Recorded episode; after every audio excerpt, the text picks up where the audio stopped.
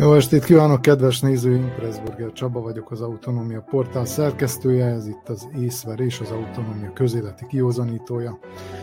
Nem így terveztük, az volt a tervünk, hogy az utolsó műsorunk, azaz a december 3 is van 20, tehát a 27 adás lesz a nagy évzáró interaktív show, amelyet a második nyilvánosságos kollégáimmal együtt fogunk levezényelni de hát a statisztikai intézet keresztül húzta a terveinket. Az volt az eredeti tervünk, hogy a népszámlálás adatait fogjuk majd elemezni, illetve kommentálni szakértőkkel, de hát nem igazán lehet bízni ezek szerint a statisztikai intézet vezetőjében, aki 17-e és 20-a közé ígérte ezeket az adatokat. Mint utóbb kiderült két nappal ezelőtt, 21-én, azaz holnap délben közlik majd egy sajtótájékoztató keretein belül, hogy hányan is vagyunk, és ezen belül hányan vannak a vajdasági magyarok. Úgyhogy kénytelenek voltunk megcserélni ezt a két témát, illetve ezt a két műsort. Egy hét múlva fogunk arról beszélgetni, hogy mit lehet ezekből a számokból kiolvasni, és hát most egy picivel előrébb hoztuk az úgynevezett áttekintést, évértékelést és, és mondjuk úgy ünneplést, vagy egy kicsit lazább programot, ezért is ezúttal nem a stúdióban jelentkezem én sem, hanem itthonról, és megpróbáltam egy picit más outfitet is biztosítani magamnak, ami remélem, hogy valamelyes sikerült, és a 80-as évekre emlékezteti az idősebbeket. Akkor rögtön azt gondolom, hogy bele is vágnánk ebbe az interaktív műsorba, és szólítanám a, második nyilvánosságos adminisztrát adminisztrátor kollégáimat, Gyulai Zsoltot és Vatascsin Pétert, Bozsó István alias Stefan Bozsen sajnos nincs itt közöttünk, mert eh, hát mit is mondjak, eh, egyszerűen nem lehetett rábeszélni, hogy eljöjjön és egy picit bekapcsolódjon. Túlságosan sokat dolgozott ebben az évben, és nagyon kevés ideje maradt a közéletre, a politikusaink és a közéleti szereplőink nagy örömére. Nem vagyok benne biztos, hogy nem ők intézték el, hogy Bózsónak minél több munkája legyen az idén. Hát ezzel legalább biztosították azt, hogy forradalom az nem lesz, nem is volt, valószínűleg jövőre se lesz, úgyhogy hát ilyen vidám hangulatban vagyunk, és azt gondolom, hogy ilyenben is maradunk. Ezt a mai műsorunkat interaktívra terveztük, egy linket talál mindenki a leírásban, mármint a második nyilvánosságon, aki nézi, illetve az autonómia portálon és a, az autonómia portál YouTube csatornáján, mindenhol elolvashatja ezt a, linket, amelyet egyébként kiírhatunk ide is a képernyőre, de hát ennek nem sok értelme van, mert ide nem nagyon tudnak kattintani. Minden esetre egy ilyen nehezen megjegyezhető linkről van szó, amit hát egy kattintással már is ide kerülne a néző a streambe, és elmondhatná a véleményét. Ugyanis a mai napon arról fogunk beszélgetni, hogy melyek voltak szerintünk, önök szerint az év legmarkánsabb, legmeghatározóbb eseményei, akár a vajdasági magyar közösségen belül, akár azon kívül, akár Szerbiában, Magyarországon, vagy a világban bárhol. Én arra gondoltam, hogy akkor kezdjük az első körben a vajdasági magyar eseményekkel. Remélem, hogy nem úgy ér most benneteket ez a kérdés, mint a szerbiai köztisztasági vállalatot télen azt, hogy leesett a hó, úgyhogy hát akkor kezdjük. Mi az, amit te kiemelnél a legfontosabbként a vajdasági magyar politikai közéletből? Mm, jó estét mindenkinek, szerbusztok! Hát ez a választások éve volt igazából. Kampányok, választások, kampányok, választások, ez igazából a 2022-es év nagyon gazdag volt ebből a, ebből a témából. Volt egyszer egy magyarországi parlamenti, volt egy szerbiai parlamenti, és végül volt egy nagyon izgalmas, sokszereplős magyar nemzeti tanácsi választás Um, igazából én nem is nem, nem, nem, nem, nem foglalkoznék különösebben ezzel, mert tudjuk az eredményt, tudjuk a résztvevőket. Um, én igazából van egy, van egy nagyon nagy fájdalmam, amit így szeretnék megosztani mindenkivel, az az, hogy, hogy a vajdasági magyar közösség, tehát a vajdasági magyarok az egész egyrészt az ukrajnai háborúval kapcsolatos kérdésben, illetve sokféle kérdésben nagyon furcsa állásponton van, ami engem nagyon szomorúvá tesz, és számomra ez talán a 2022-es évnek a legszomorúbb momentuma, amit sosem képzeltem volna, az az, hogy, hogy az agymosás, a propaganda a magyarországi, illetve a szerbiai média agymosása milyen, milyen, milyen szintekre sűjesztette, degradálta a közösségünk tagjait. Ez az elképesztő russzofélia, tehát hogy, hogy ebben az egész orosz invázióban számomra döbbenetes módon, de nagyon sokan, talán akár a többség is az oroszok pártján van, és ezt, ezt én nem tudom épésszel felfogni. Tehát az én, az én 2022-es évemet azon túl, hogy, hogy benne vagyunk egy, egy Európában zajló háborúban, de hogy hogy reagálta le a közösségünk ezt az egész történetet, ez számomra döbbenetes. Tehát olvasom a kommenteket különböző különböző platformokon, most nem nevezném meg, hogy melyikeken, de hogy, hogy, hogy értem én azt, hogy van egy Amerika ellenesség, egy, egy talán a 99-es bombázások óta tartó Amerika ellenesség, de de azt, hogy, hogy nyíltan a kommentelők jelentős többsége orosz pártivá vált, az számomra egy, egy elképesztő történet. Tehát, De hát egyébként szerintem a 90-es években, vagy a 99-es bombázások idején azért nem volt ennyire egyértelmű, hogy nem. mondjuk épp a vajdasági magyarság annyira ellenes, ellene lett volna magának a bombázásnak, vagy hogy igazságtalannak tartotta volna a bombázást. Tehát azért itt nem, nekem is nagyon furcsa, tehát, tehát hogy így nem tudom, nem tudom, nem tudom összerakni. Tehát próbálok, próbálok azoknak az embereknek a fejével gondolkodni, akik így, így, így, így reagálnak erre az egész szomorú történetre itt 2022-ben, a 21. században. Európában egy nagy hatalom, egy közepes hatalmat lerohan, és, és, és mi, mi úgy gondoljuk, hogy ez, ez, ez így szuper, tehát ez, Putyin jól, jól tette, hogy, hogy, hogy Ukrajnát megtámadta, mert így, meg úgy, meg amúgy. Tehát nem tudom ezt hova tenni, nem tudom a kockába belehelyezni. Azt, hogy, hogy, hogy végtelenül Orbán imádó a, a közösségünk, azt még valahol meg tudom érteni, mert, mert mert nemzetegyesítő és, Jó, és hát ezen a szűrőn adott. keresztül nézik a dolgokat. Hát és az a baj, hogy igen. Mondja, akkor... De akkor is nekem ez egy, ez egy nagyon fájdalmas dolog. Az, hogy mi történt április harmadikán, és mi lett a választásoknak az eredménye, nagyjából ö, ö, kiszámítható volt, mint Magyarországon. Már mint a magyarországi? Hát én nem tudom. Én, én, én, én megmondom őszintén, én borítékoltam valahol. Hát jó, nyilván a győzelemre nagyobb Kétharmados többséget. mint az ellenzéknek, de hogy... Ö, nem tudom, tehát el kell, el kell ö, ö, tehát hogy meg kell nézni, hogy ott, ott is, hogy hol tart a mentális állapot Magyarországon. Tehát, hogy uh-huh. igazából nagyon, jó, nagyon jók ezek a, a társadalmi vagy közösségi csatornák, legyen az Facebook, bármi más. Tehát, hogyha az ember elolvassa a kommenteket, akkor abból azért úgy ki lehet szűrni azt. Még az ellenzéki sajtó különböző platformain belül történő kommunikációt, hogy, hogy, hogy itt azért még mindig tömegek vannak elvakultan, szerelembe esve egy, egy, egy enyhén szólva diktatórikus és autoriter rendszerrel szemben.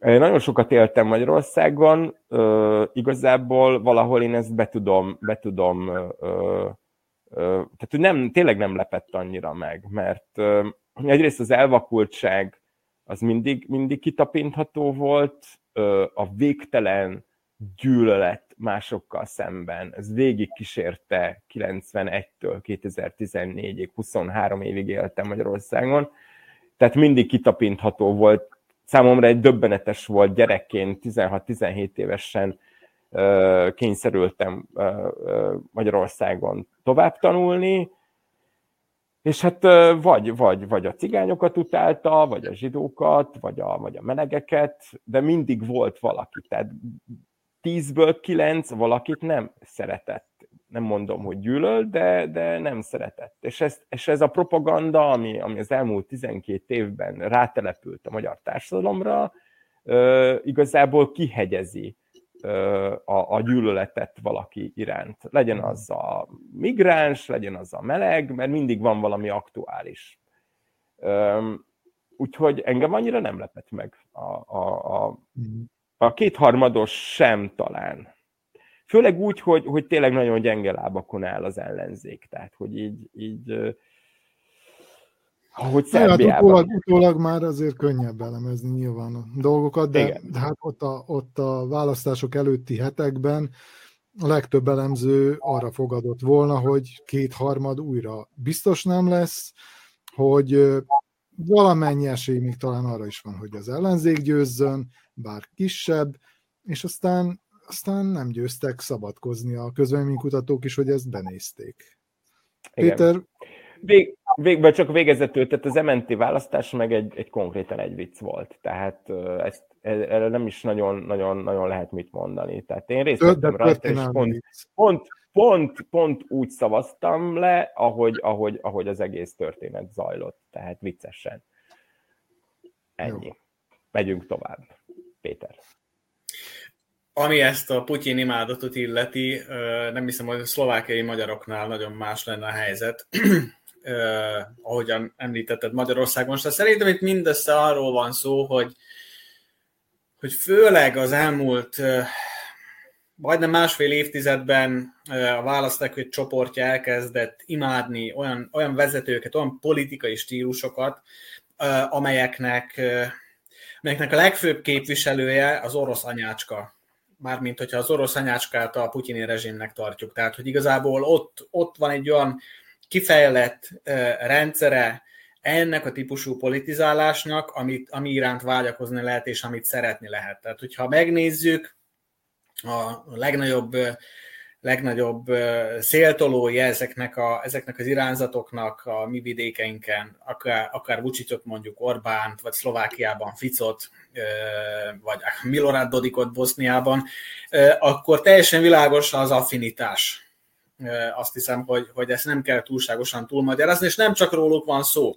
Tehát Magyarországon a mi hazánknak a szavazói is nyilvánvalóan valamilyen szinten szimpatizálnak a, ezzel a, ezzel a putyini kreatúrával, ami ott Oroszországban tenyészik, de Szlovákiában nem csak a Smernek a választói ilyenek, hanem mondjuk a Szlovák Nemzeti Párté, vagy az egykori Szlota párt, vagy, vagy akár a fasiszták, tehát a Marian Kotleba féle néppárt, vagy akár a, vagy akár a belőle kiszakadt republika, de Szerbiában ezt abszolút nem kell túlmagyarázni, tehát hogy ott sorolhatjuk igazából a, a, a Dvérit, vagy bárki mást, aki egészen világosan orosz párti lesz. Tehát ezek a szálak összeértek, érlelődtek, és akkor szép, szépen összeálltak egy ilyen szimfóniává.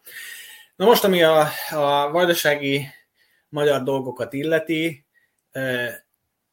és ha már említetted az MNT választásokat, azt hiszem, hogy ilyen, ilyen, ilyen szempontból joggal tarthatjuk példaadónak azt, ami, ami a Magyar Nemzeti Tanácsban történt. Tehát amikor, amikor április harmadika felé haladtunk, akkor néhány úszós kollégával azon viccelődtünk, hogy itt nem kétharmad lesz Magyarországon, hanem egész.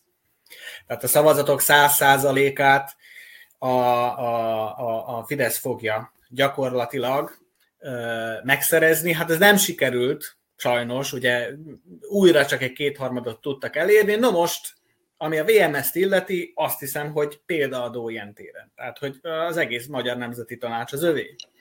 Ahogyan, ahogyan ez iránt vágyakozhat igazából Alexander Vucic is, mert nem az egész parlament, vagy a tartományi parlament, most attól függ, melyik szintet nézzük, nem az övé. Tehát ilyen szempontból azt hiszem, hogy Pásztor István és a VMS tevékenység abszolút mintaadó és követhető. Ugye általában úgy szoktuk meghatározni a VMS pozícióját, hogy valahol Belgrád és Budapest között sínlődik, egy ilyen fordított háromszög az egész. Hát most például, hogyha a valamilyen szinten egyenértékűnek veszük a politikai befolyást a saját rendszereken belül, akkor megfordíthatjuk ezt a háromszöget, amelynek a csúcsán Pásztor István és a VMS helyezkedik el, hogyha a Magyar Nemzeti Tanácsot egyáltalán lényeges és, és még számító szervnek tartjuk. Úgyhogy ilyen szempontból és kicsit komolyra fordítva a szót, azt hiszem, hogy ez egy, ez egy mindenképpen ez egy fordulópont, és, és valószínűleg ennyi is volt ami a vajdasági magyar pluralizmust illeti.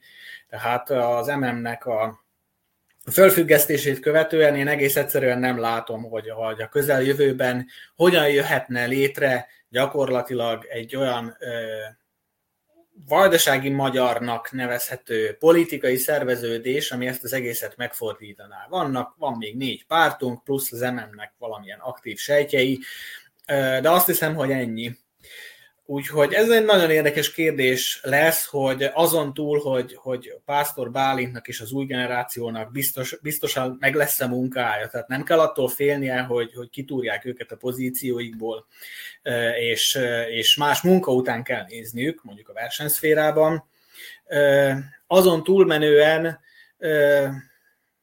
nem tudom. Tehát, hogy, hogy, hogy nagyjából ennyi a pluralizmusnak, bár, és erről most így értekeztünk a, a családi körben és a szabad magyar szón is, van egy öreg Anna faktor, ugye, és talán ez még ezt a részét a történetnek nem lehet egészen leírni, hogy, hogy egyes vajdasági magyar politikusok, értelmiségek esetleg fölfutó szerbiai szerveződéseken belül bizonyos pozíciókra, bizonyos szerepre tesznek szert. Tehát ez, ez, ez lehet egy ilyen érdekes suranó pálya, ahol esetleg kihívás lehet intézni a VMS ellen, ahogyan öreg Anna egyébként kihívást intézett Pásztor Bálint ellen.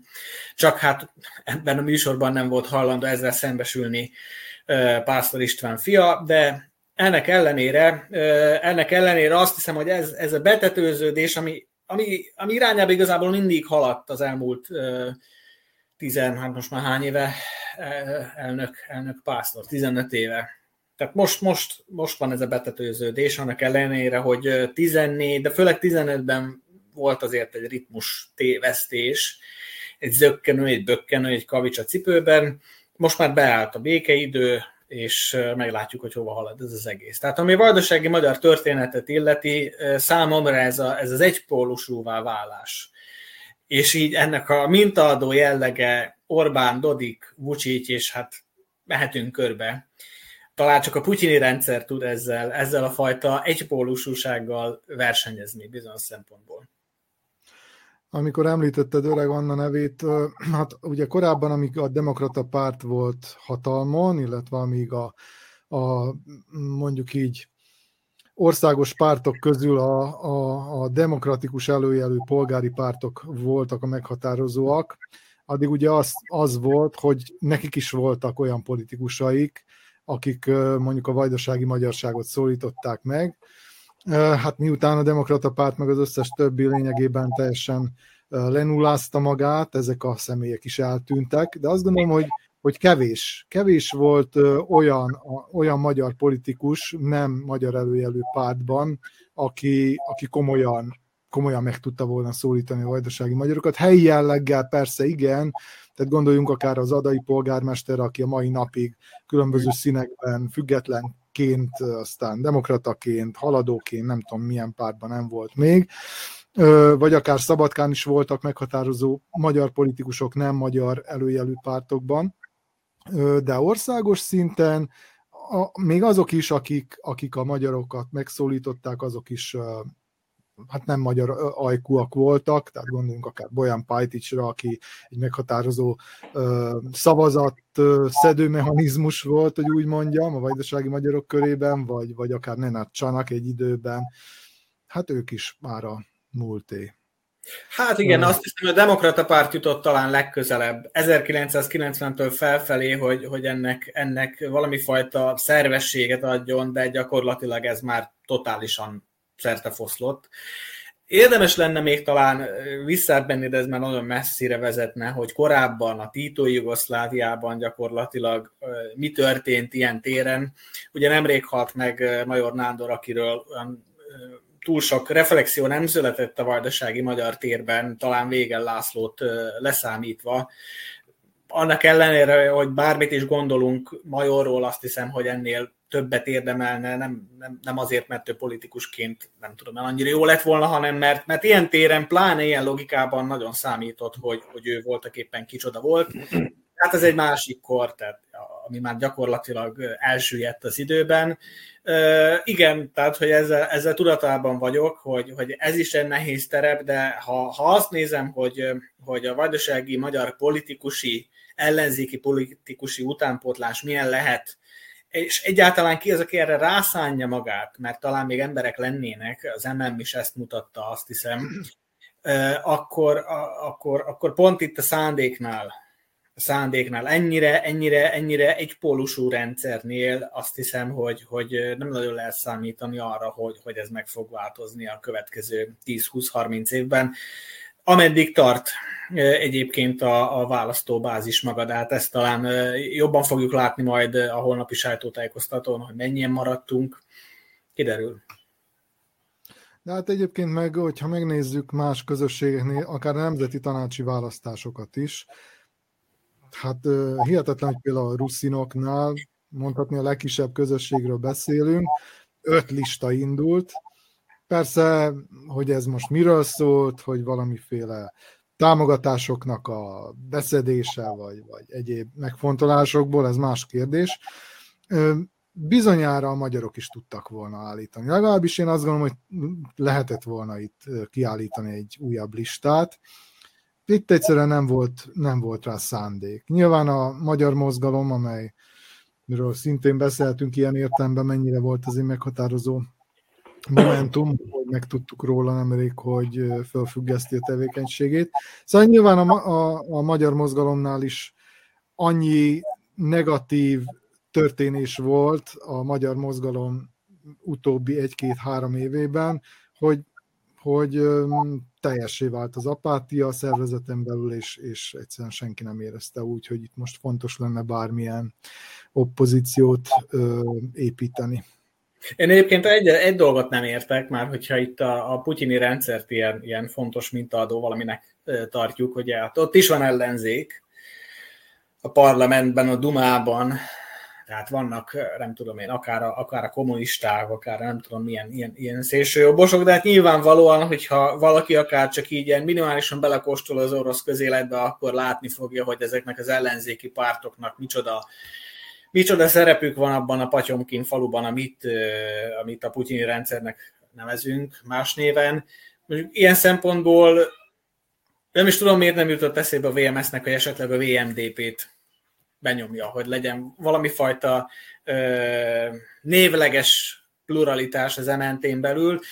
Ö, ugye jól emlékszek, négy évvel ezelőtt volt egyfajta törekvés arra, hogy, hogy azért nehogy már egyedül legyen e, e, a, a, a VMS az MNT-n belül. Tehát voltak a háttérben a mozgolódások, hogy, hogy nehogy már ne jön össze az ellenzéki listáknak az egész. Gyakorlatilag ilyen szempontból lehetett volna egy saját ellenzéket kreálni, de lehet, hogy erről már lemondtak. Tehát igazából meg fölösleges is. Tehát ezek, ezek olyan típusú erőködések, Ugye most írja a Cservenák Péter, hogy igazából még nem ismertek aláírni a listákon egyesek, tehát hogy, hogy, hogy volt egy ilyen aktív szinte ilyen, ilyen, ilyen automatikus hatás ennek a VMS-es erőtérnek, de hogy igazából már nincs miért színészkedni, tehát nem, nem, nem kell már miket itt, itt, itt mutogatni, építgetni. Teljesen világos, hogy miről szól ez az egész.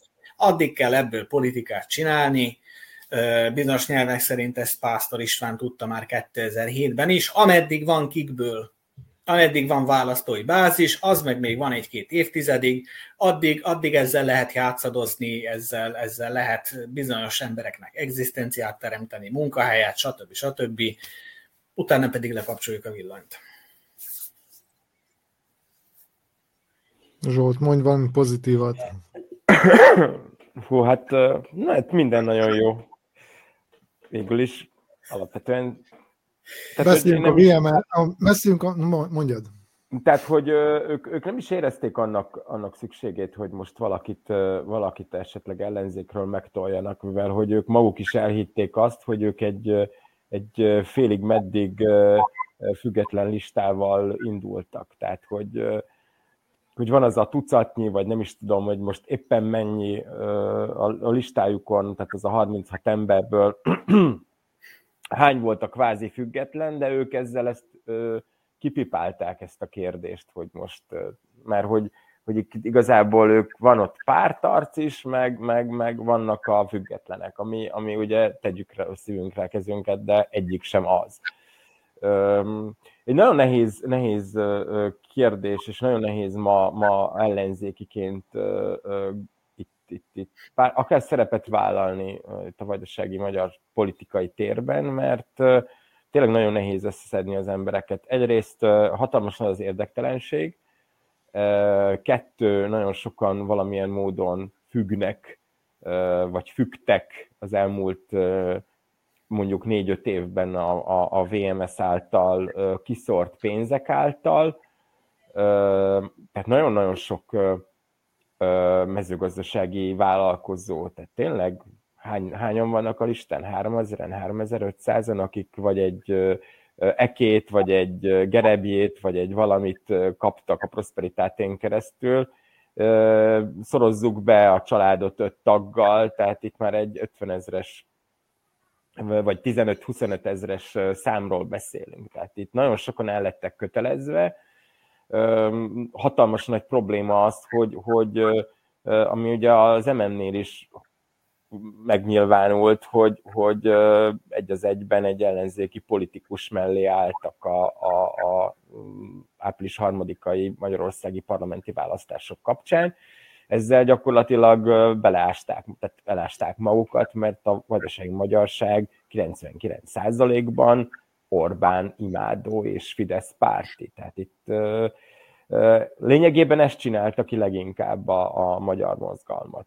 Nyilván sok minden más apró tényező is, de szerintem ez egy, ez egy sarkalatos pont volt, hogy ők egy olyan politikus mellé álltak, akit, akit mert eleve a, a magyar, vajdasági magyar lakosság által nézett televízió az első perctől ekézett és, és felcímkézett. Tehát, hogy okay, de ezzel... szerintem ez egy racionális döntés volt, mert az látszott, hogy nekik a VMS tér, illetve a Fidesz tér felé nincs hely. Tehát a, Nyilván a racionális VMS, döntés a Fidesz volt. egyáltalán nem akarja azt, amit a korábbi kormányzatok erőltettek, hogy a határon túli magyarok fogjanak össze, együtt induljanak a választáson, nem tudom én, koalíciózzanak, nem, neki sokkal egyszerűbb egyetlen partnerrel megvitatni a dolgokat, egyetlen egy partneren keresztül utalni a pénzeket, stb. stb. Tehát, hogy ilyen szempontból a magyar mozgalomnak esélye nem volt azon a térfélen labdába rúgni, tehát egyetlen esélye az volt,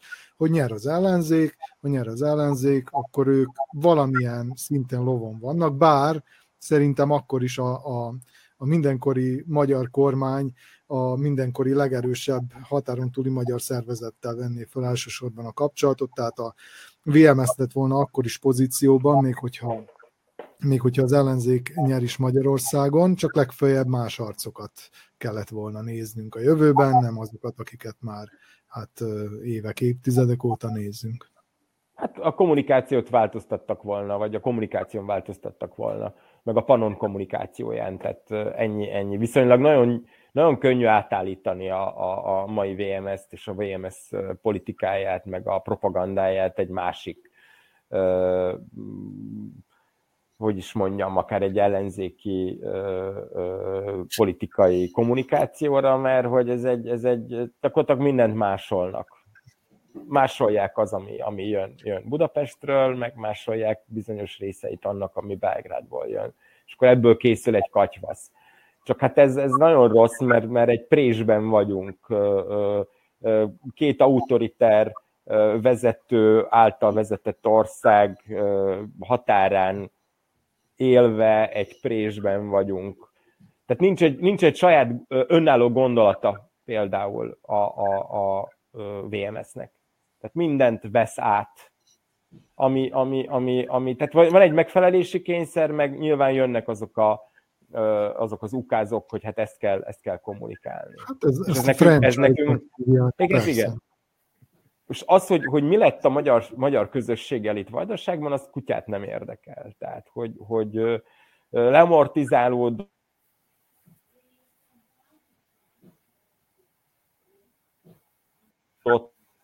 mentálisan lásd ezt a Putin, do, Putin dolgot, én ezt nem tudom izé, igazából hova te... Na, visszajöttem? Igen, uh, igen. Na igen, jó, igen. bocsánat. Nem, ma este valamiért te küzdünk a nettel. Na mindegy, szóval, hogy, hogy, hogy itt a, a, a, ebben a 2022-ben a legnagyobb vesztes az a vajdasági magyarság volt, szerintem mindenféle szempontból. Legyen az MNT választás, legyen, legyen az ukrajnai háború, úgy, úgy unblock az egész. Tehát szerintem közel vagyunk a mélyponthoz, és ez egy nagyon szomorú nem beszélve arról, hogy az elkövetkezendő években sokkal kevesebb pénz fog Magyarországról jönni. És ezt ugye teljes mértékben a, a rendszer nem Belgrádban van ráépülve, ami a legnagyobb probléma, tehát a, a, a kisebbségi politizálás, vagy a kisebbségi ö, ö, intézményrendszer nem a, nem a, a, a saját országunk költségvetéséből hanem a magyarországiból. Mivel hogy válságot él meg mind a két ország, Magyarország különösen, tehát itt az elkövetkezendő évek nagyon inségesek lesznek, és nem tudom, hogy erre felkészült-e a rendszer, tehát hogy honnan fogják pótolni az elveszett pénzeket. Lesz-e pénz, nem tudom én, 150 alkalmazottra a Panon televízióba, de úgy egyébként sorolhatnám azt az egész és rendszert, amit képített a VMS, és erre, nem gondolván a másnapra, tehát égették, égették, égették folyamatosan a pénzt mindenféle szerintem felesleges dologra, ahelyett, hogy inkább hosszú távra rendezkedtek volna be spóroltak volna, mondjuk. És szerinted lehet erre, a, erre az elégedetlenségi hullámra, ami nyilván eljöhet, hogyha, hogyha valóban nem lesz pénz, építeni bármiféle politikai mozgalmat? Van erre, van erre még erő a vajdasági magyarságon belül? Ha hozzászólhatok, tudom, ez egy nagyon, volt egy érdekes kommentje, hogy, hogy a VMS köpenyeget fordított volna, hogyha ellenzék győz Magyarországon. Ebben szerintem az a nagyon lényeges mozzanat, hogy és ez a helyzet Kárpátalján, RT-ben, és félig meddig Szlovákiában is, hogy annyira Fidesz és Karmelita Kolostor központúvá vált az igazodás, ami, ami gyakorlatilag korlátozza az önálló politikai gondolkodást, stratégiaalkotást, kreativitást, stb. stb. Tehát, hogy, hogy állandóan ehhez igazodunk, azt nézzük, gyakorlatilag a pártelnökök, a, a, a pártoknak a vezetőségei, hogy akkor most mi történik Budapesten, ehhez, ehhez hogyan lehet gyakorlatilag alkalmazkodni. És ebből vannak nagyon furcsa dolgok. Ugye például Szlovákiában az a helyzet, hogy most a Szijjártó Péter legutóbbi pozsonyi látogatása után gyakorlatilag kiderült szimbolikusan és konkrétan is, hogy ők a legnagyobb partnernek Robert Ficot tartják akit olyan különösebben azért nem szeret a szlovákiai magyar választó. Ez, ez érdekes lehet vajdaság szempontjából is, hogy a vajdasági magyar átlag választó se szereti túlságosan az Alexander Vucicot, de minek után a helyi, helyi helytartó és a, és a nagyfőnök a Karmelita Kolostorban ezt, ezt, ezt nyomja, ezért ezt le tudja nyomni az emberek torkán, és, és egy bizonyos szempontból létrejön egyfajta alkalmazkodás. Tehát Bozsa eredeti gondolatához visszatérve arról van szó, hogy itt, itt folyamatosan a, a nagy, nagy szereplőkhöz próbálnak meg ezek, ezek, a, ezek az aktorok valahogyan igazodni, és ez szerintem borzasztóan és rendkívül szégyenletesen bekorlátozza azt a, azt a módot, ahogyan politikát lehet folytatni. A Szlovákiában talán azért más a helyzet, mert párton belüli pluralitás még megvan. Ugye van három különböző platform, amit az MKP platform egyébként most január végén meg akarna szüntetni, tehát jó esély van egy jó kis párton belüli belharc kiújulására.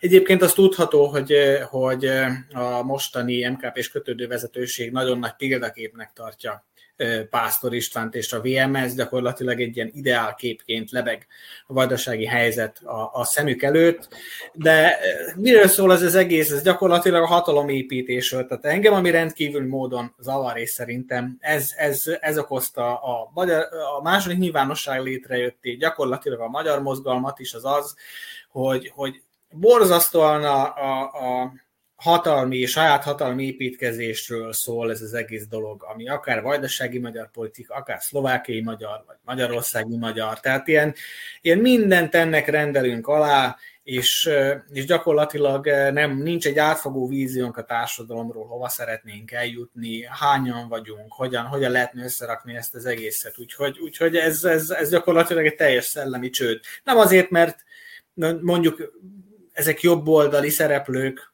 Szabadkán, Belgrádban, meg, meg, meg Budapesten, hanem ahogyan, ahogyan működtetik a politikát, azt hiszem. Amilyen uh-huh. nihilt kreálnak, ami, ami egyenértik azzal a nihillel, ahogyan, ahogyan mondjuk most az orosz hadsereg megsemmisíti Ukrán egyes, egyes részeit, amiből, amiből semmi nem származik, csak egy nagy, egy nagy nulla. Hogy Szerbiában lesz-e forradalom, hát azt nem látszik igazán, de Magyarországon most jelen pillanatban a pedagógusok azért elég komolyan fölléptek, és elég egységesen kiálltak, és elég hosszú ideje csinálják, amit csinálnak. Szerintetek ez hogy fog végződni? Hogy milyen kifutása lehet ennek a, ennek a történetnek? Hát nagyon gyorsan elmondhatom, de aztán átadom Zsoltnak a terepet. Szerintem önmagában nagyon szép dolog ez, hogy gyakorlatilag azok lázadnak, akik a, hogy is mondjam, tehát ilyen, ilyen enyhén patetikusan, akik a szellemnek a munkásai, akik a, a, a szellemi kultúrának az átörökítését végzik. Tehát, hogyha szólhatok Jancsó Miklós kapájával, hogy azért, azért tanuljatok, ne legyetek hülyék.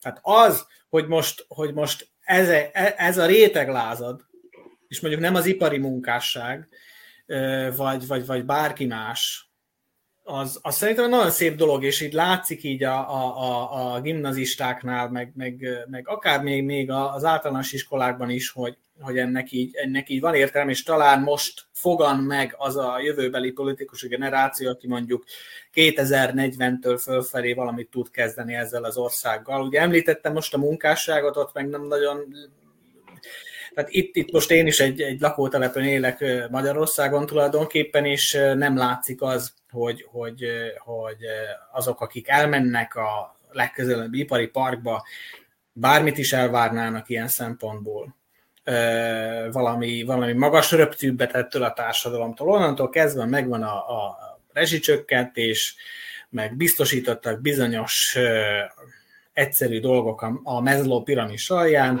rendben van a dolog. Tehát, hogy ez nagyon-nagyon fontos, hogy, hogy most az oktatás ennyire forrong, No, de nincs biztosítva, nincs biztosítva a rezsicsökkentés, nincs biztosítva az alacsony infláció, nincs biztosítva... Nincs biztosítva volt, és ugye? Az egy dolog van biztosítva, a Fidesz népszerűsége, az töretlen. Így van, Mai, tehát ez, ez meg sem moccan, tehát hogy bármit is csinálna, nem is tudom, akár német Szilárd, akár Orbán Viktor, vagy Navras és Tibor, most mehetnénk végig a, a prominens képviselőken, tehát hogy bemenne valaki házára csinálna valamit, úgy néz ki, hogy, hogy még akkor is az a, az, a, az a két és fél milliós, két, két és fél milliós bázis az, az, az töretlen gyakorlatilag. De azért szépen látszik, most belemetnénk, ha mely gimnáziumok a leginkább zászlóvivői ennek a lázadásnak, azért szép gyakorlatilag. Meg az, hogy, hogy hálózatossá válik a, a, a tiltakozás. Nem csak úgy működik, mint a CEU esetén, vagy az MTA kutatóhálózat szétbombázása esetén, amikor, amikor megmaradtak jobban egy, egy szigeteken, vagy mondhatnám, hogy a, a, az SFE ügyét is. Ezek, ez, ha optimista akarok lenni, akkor ez a magyar demokrácia, illetve a kelet-európai demokráciáknak egyfajta szükséges vajudási szakasza bizonyos fájdalmakkal. Reméljük, okay, hogy Tehát innen csak felfelé van.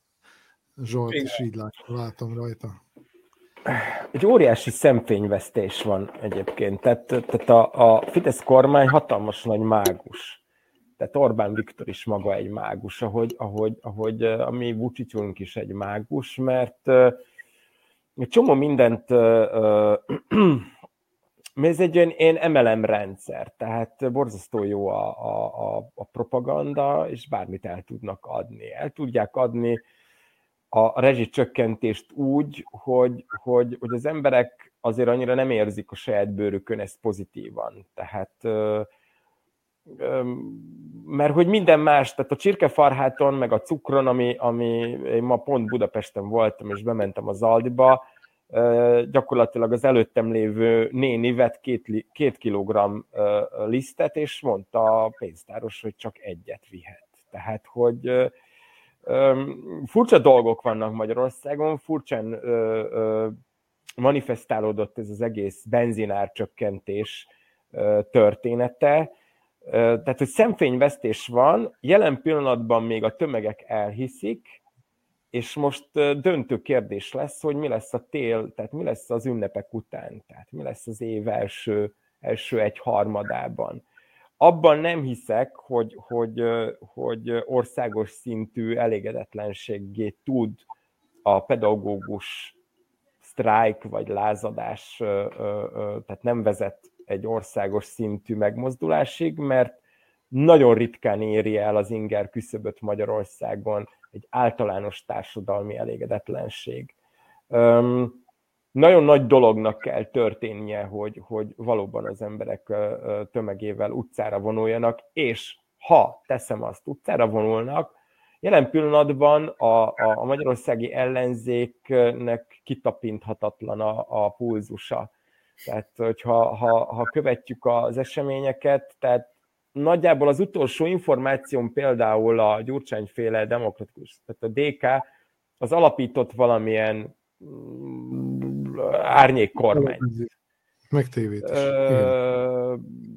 Én ennyit, itt megállt a történet, ez nagyjából két hónappal ezelőtt volt. Ugye az MSZP-t nagyjából el is, el is temettük, ahogy a Jobbikot is, Jobbikból lett egy még szélsőségesebb párt, aki ugye bejutott a parlamentben, ki nem mondom a nevüket.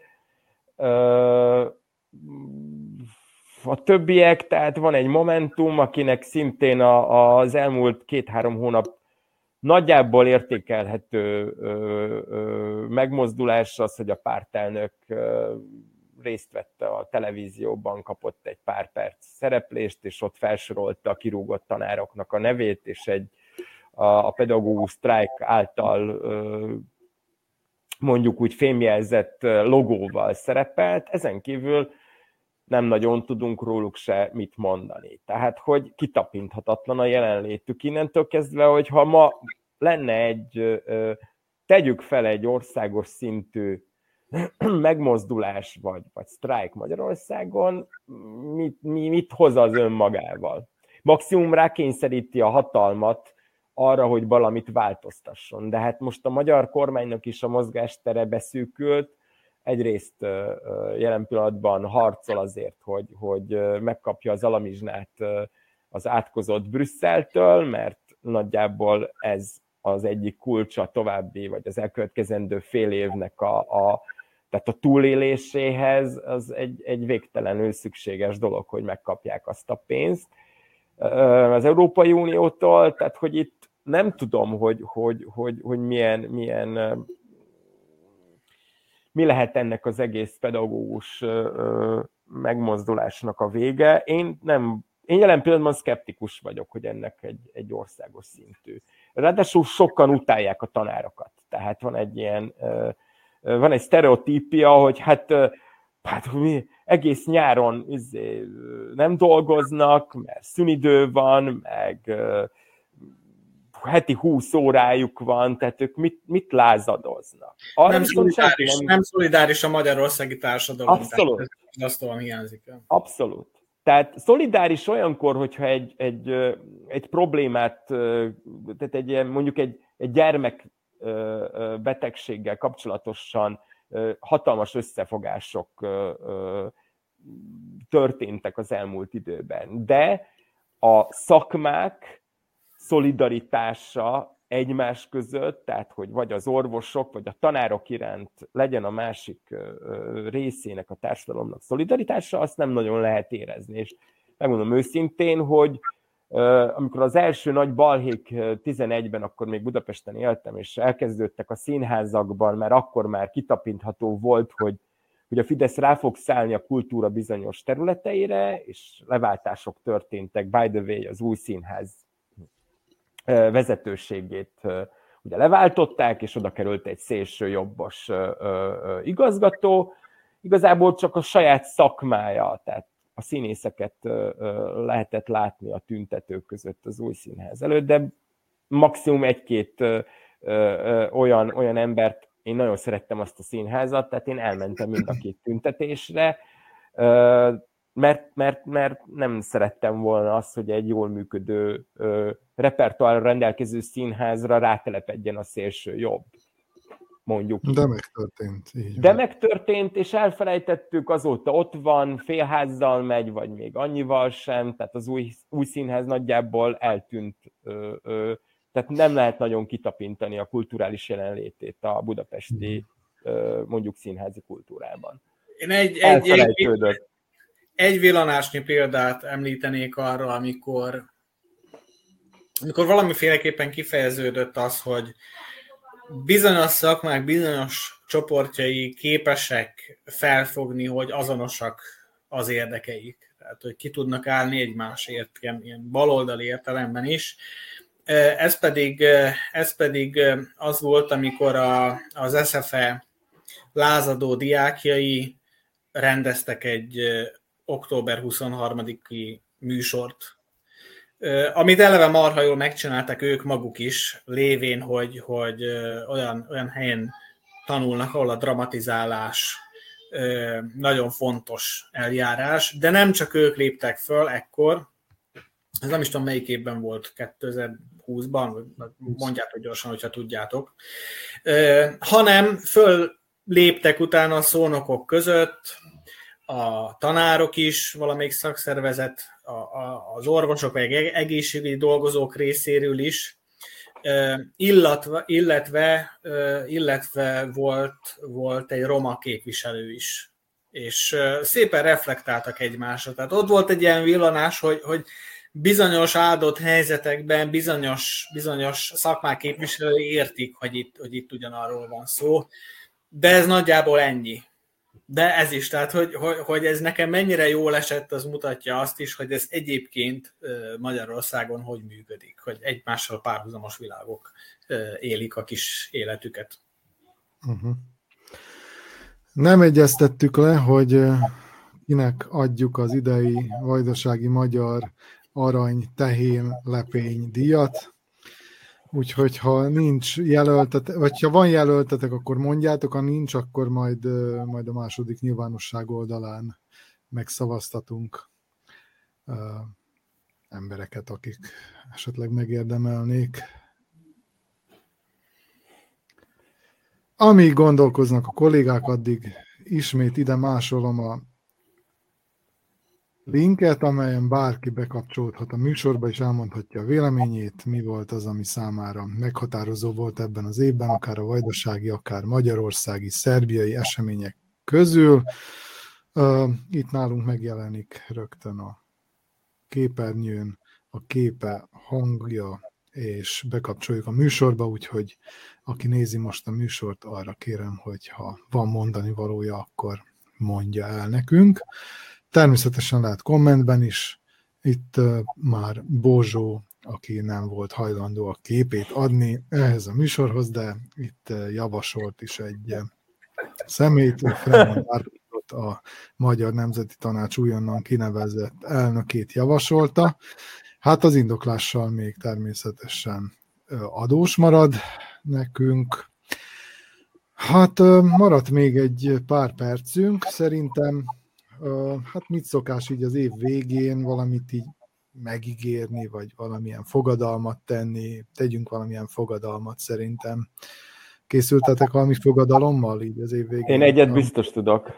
Hallgatlak. Hát én Lovas Ildikó új könyvét mindenképpen el fogom olvasni. Hát...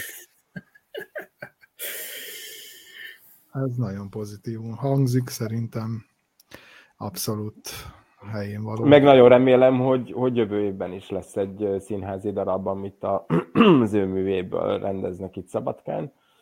Úgyhogy nekem ő az egyik, egyik olyan személyiség, aki, aki nem, nem díjaznám, mert már annyi díjat kapott 2022-ben, hogy, hogy szerintem ne, ne túlozzuk el most már, majd ezt, ezt dobjuk át 2023-ra, de, de ő, egy, ő egy számomra nagyon megosztó, megosztó személyiség, és nagyon kártékony személyisége ennek a közösségnek, mondjuk ki.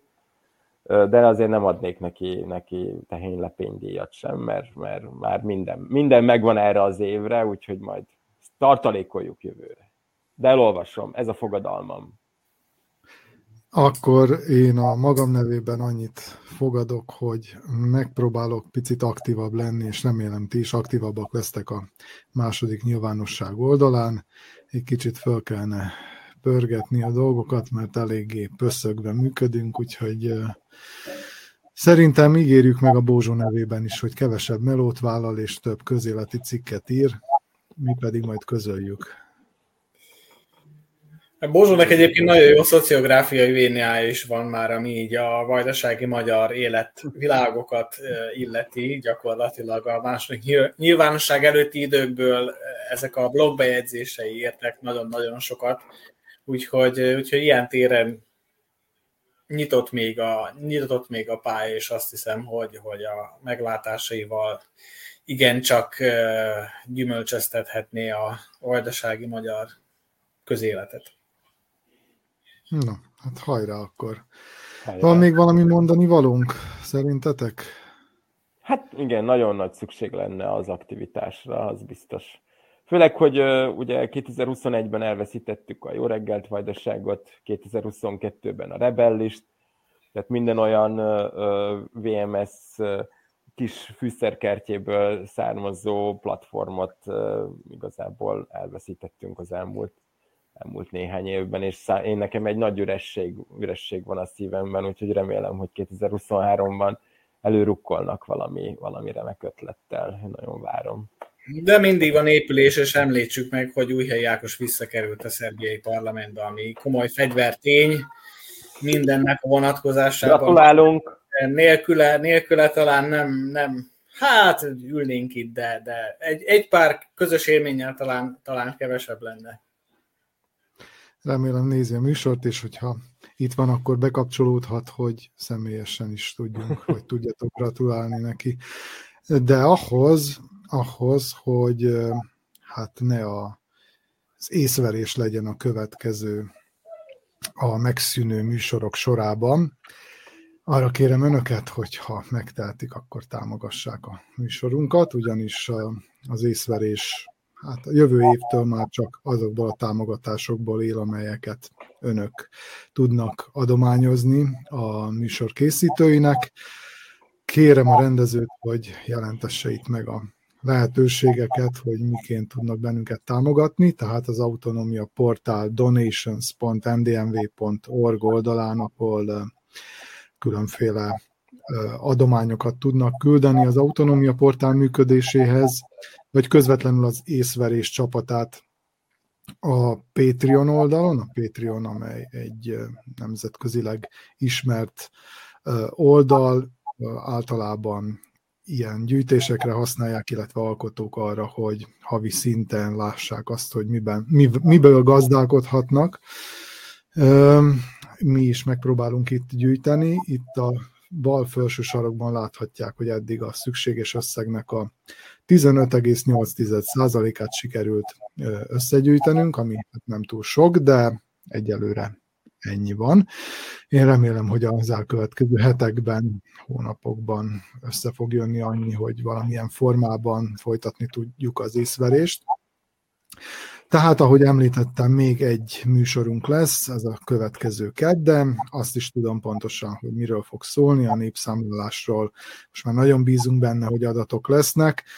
Uh, hát sajnos nyilván nem egy vidám hangulatú műsor lesz, jobb lett volna, hogyha ez az utolsó lesz a, az utolsó műsorunk, hát most lett volna az utolsó műsorunk, de hát a, statisztikai hivatalt okolják egyszerűen, nem mi nem tehetünk róla, nem itt terveztük.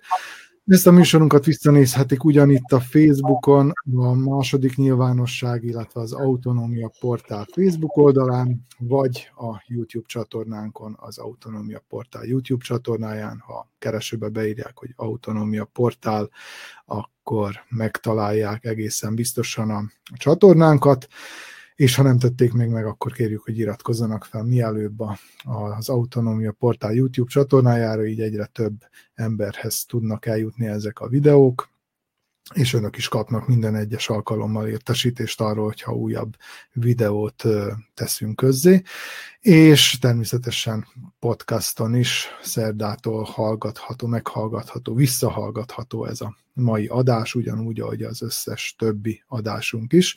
Egy hét múlva tehát találkozunk, utána viszont januárban mindenképpen szünetet tartunk, és hogyha jól mennek a dolgaink, akkor februárban folytatjuk az észverést. Tehát egy hét múlva. Addig is a viszontlátásra.